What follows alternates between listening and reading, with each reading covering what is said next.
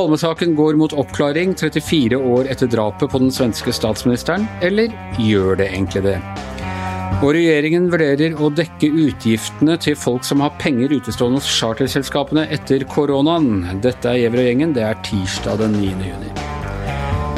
Det er altså 34 år siden eh, den svenske statsministeren Olof Palme ble skutt og drept på åpen gate i Stockholm. Det var et uh, traumatiserende døgn, en traumatiserende drap, som rystet Sverige særlig, selvfølgelig, men også hele Skandinavia og verden. Og her kan du høre et lite klipp fra uh, politiradioen på drapsnatten som får det til å gå kaldt nedover ryggen på noen og enhver av oss. 90 000. Mm, hej, det var jag för taxi. Hej. Eh, Tunnelgatan vid Sveavägen. Ja. Det är en kille som har blivit skjuten. Och antagligen kommer han behöva en ambulans. Jag har ringt polisen, men jag vet inte om de har ringt er. Nej, Tunnelgatan Sveavägen sa du? Vid Sveavägen. Mm. Eh, Det hände alldeles nyss. på skjuten sa du? Ja, polisen är på väg dit också. Ja då. Mm, men då, då eh, kommer vi på en gang, vad bra. Med ambulanse. Mm, hei.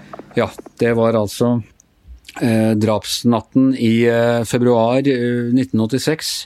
Eh, Yngve Kvistad, har de nå mannen, for å si det sånn? De har i hvert fall eh, indikasjoner på én eller to, da. Eh, Vi vet jo ikke helt. Eh, Det som er nytt nå, det er at, eh, at den nye sjefsåklageren, som heter Christer Petersson, har, eh, eh, har meddelt at de har funnet nye tekniske bevis. Han overtok jo som leder for, for denne Palmekommisjonen for en tid tilbake og har eh, har gjennomgått alle eh, spor, eh, alle ting de hadde, og ikke minst alt de ikke hadde.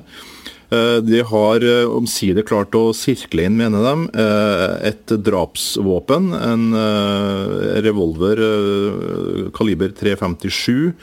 Eh, De har foretatt ballistiske eh, undersøkelser som heter med to våpen de siste to årene, og har da, mener de, eh, kommet fram til drapsvåpenet. Og da er det jo sånn som det er i kriminaldiktaturen, at har man drapsvåpenet, så har man gjerne også morderen, sjøl om at det ikke alltid er så enkelt. da. Men på morgenmøtet i dag så fortalte du at du hadde gjort litt research, og det er ikke første gang de har funnet drapsvåpenet? Nei, det er jo ikke det. Jeg har, jeg har, et, ganske nært forhold til denne saken. kan du si, for at jeg, altså jeg var på jobb den kvelden eh, 28.2, da, da drapet skjedde. Så du har alibi? Jeg har alibi. Jeg fulgte med ganske mye de ja, eh, årene etterpå. da. Jeg har jo ramla litt av, som mange andre siste, siste 30 årene.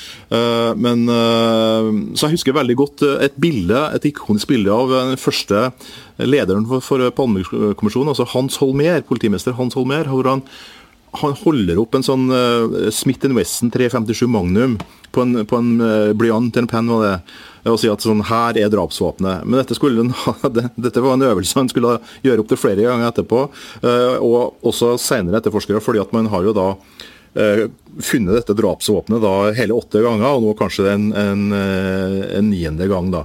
Og Nå mener man jo at de er ganske nærme, for at pga. disse da ballistiske undersøkelsene, altså det som handler om å måle det nærmest skal man si, dette eh, unike avtrykket som en, som en kule avsetter, eller som et løpet i, en revolver avsetter på kula i den fyres av, det skal da lede til dette nye eh, drapsvåpenet. Og da, og da har de en mann, da vet de i så fall hvem det er, for dette våpenet har tilhørt en Ja, altså det, det det spekuleres i, det er jo to, to personer. Det ene er en såkalte Skandiamann. eh, En person som eh, kalles det fordi han jobba i et Skandia-bygget like ved drapsstedet. Han har eh, han kan spores til drapsstedet drapsnatta. Han var også til stede umiddelbart etterpå på drapsstedet og meldte seg for politiet. Eh, Med, å hevde at han hadde da eh, genuine opplysninger om, eh, om drapet.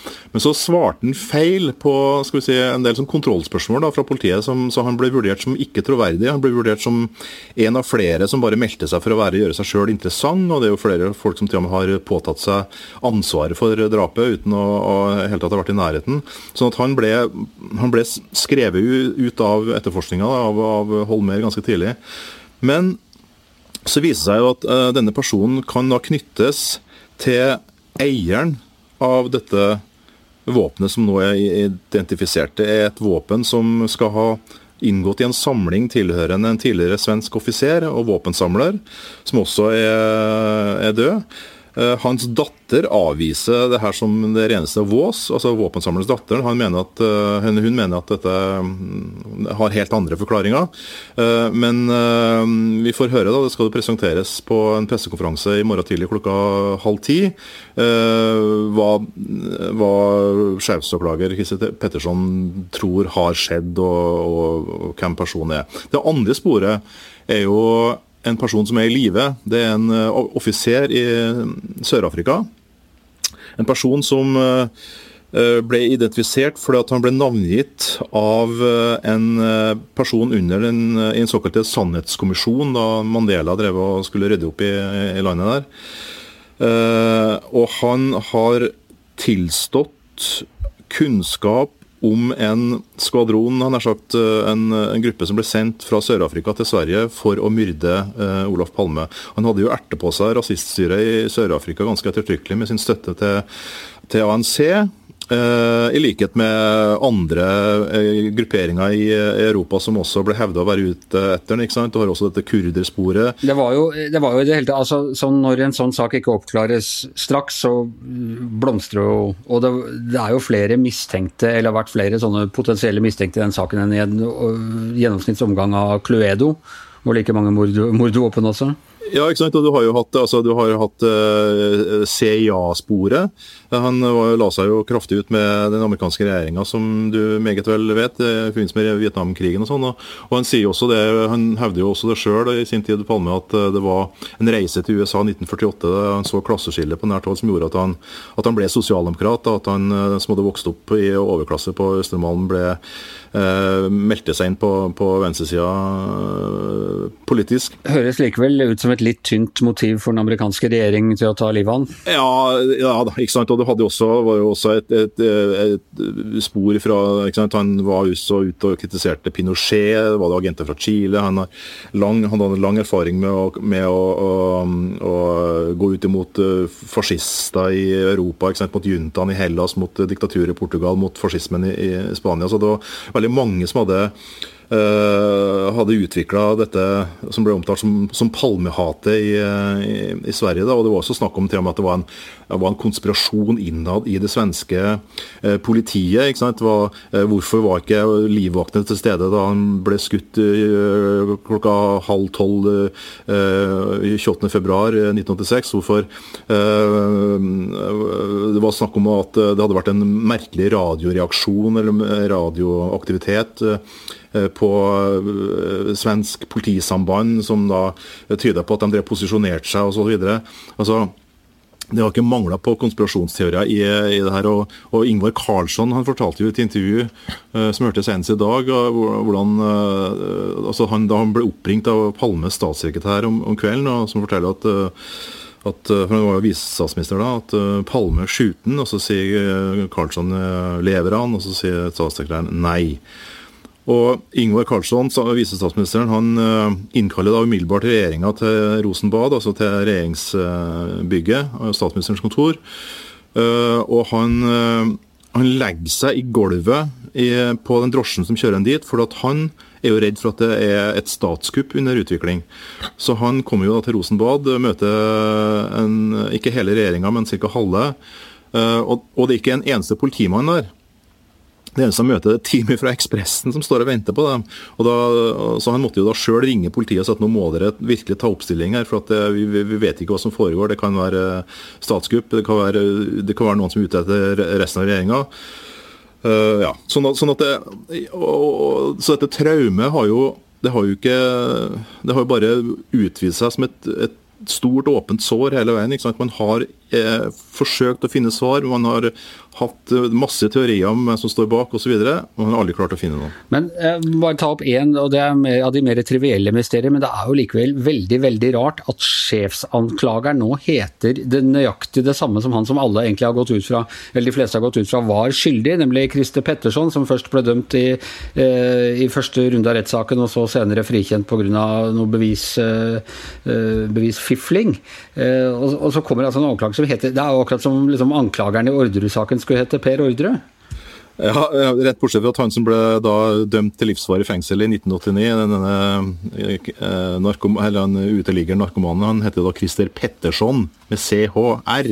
Mens da sjefsøkoklageren heter da Christer Petersson med KR. Så det er en liten okay, ja, Ordre, ordre med Å ja, istedenfor ja. O. Så, det føyer seg inn i rekken av, eh, av mystiske tilfeldigheter i denne saken. Ja, det, det, det gjør jo det, altså. Og, og, jeg håper jo for guds skyld at de eh, klarer å finne et eller annet svar på dette. her nå. Jeg er jo veldig veldig i tvil egentlig hva, hva som blir sagt. I, nei, jeg, Hva tror du? Jeg håper for Sveriges skyld at de om ikke annet, i hvert fall får en slags forklaring. Hvis det er Skandiamann, så har jo han uh, vært død i 20 år, som sagt. Hvis det er denne sørafrikanske etterretningsoffiseren, så uh, sies det jo at han antageligvis Eh, at der foreligger det et eller annet eh, avtale om noe amnesti og sånt som gjør at han ikke kan utleveres eller eh, straffes. Det, det, er, ikke, det er ikke godt å si. Men han var i så fall ikke drapsmannen, han har bare vitnet om at man sendte en eller annen dødsskvadron? Nei, det, det er angivelig drapsmannen som skal, som skal være i live, men som er da identifisert av en, av en overordna i, i, i Sør-Afrika.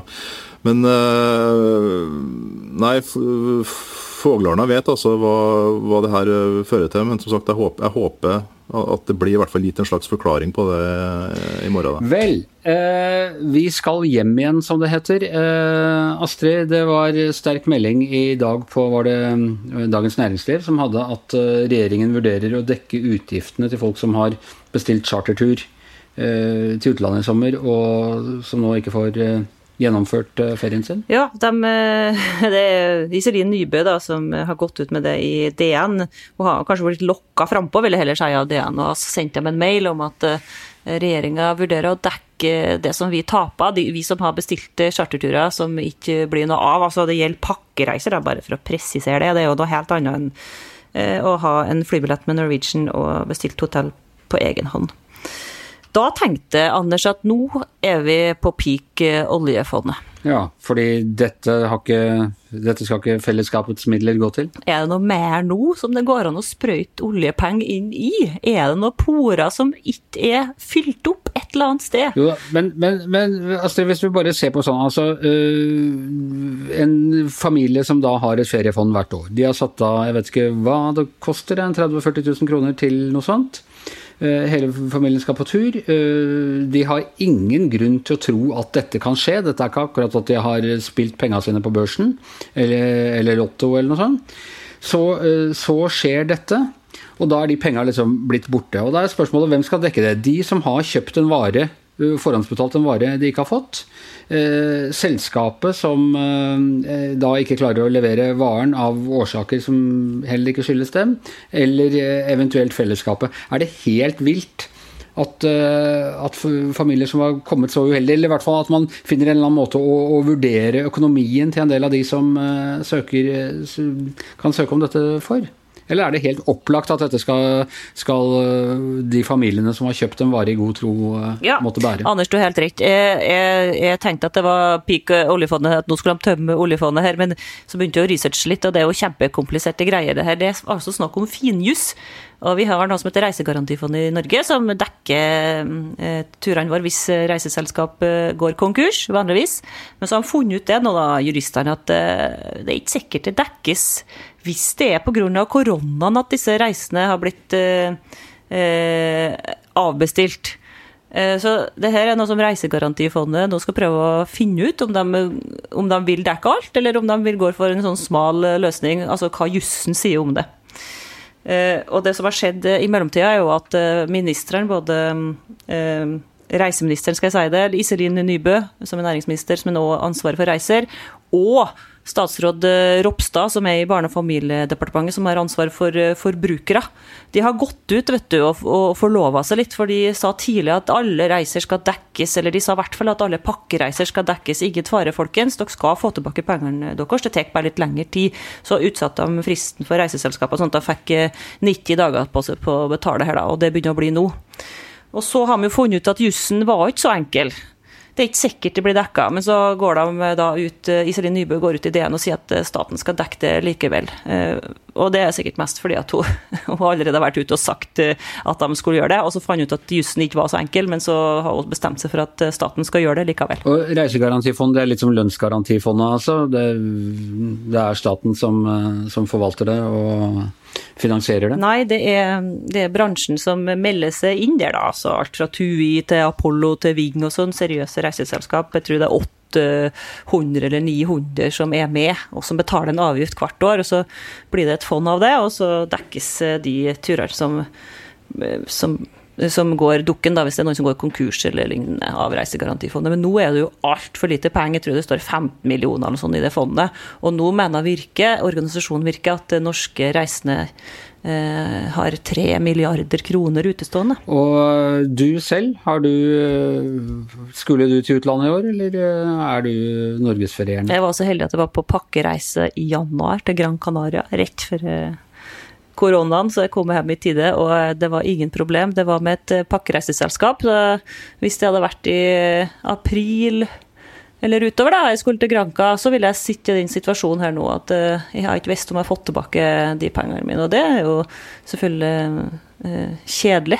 Men jeg har òg forståelse, og jeg tror at mange norske forbrukere tenker at det, de anser de pengene som tapt, og så håper de kanskje at de, eh, de, får en bonus hvis de får det tilbake, men mange tror nok at de tappa de pengene. Og særlig da de, de som har bestilt med supersaver.com og alskens rare selskap uh, som de har bestilt fly gjennom, og som selvfølgelig ikke er en pakkereise, som ikke er medlem i fondet osv. Så, videre. så det er mange som, som tror Men altså, forbrukerministeren sier jo det at kredittkortselskapet skal gi tilbake pengene. og eh, selskap skal gi tilbake pengene, og det er masse forsikringer inni her, så det er vel egentlig ender vel opp med at alle sitter og krangler med alle om hvem det som skal ta regningen. Så da er det bare å krysse? Det er litt som om å få igjen eh, penger, eh, penger på skatten.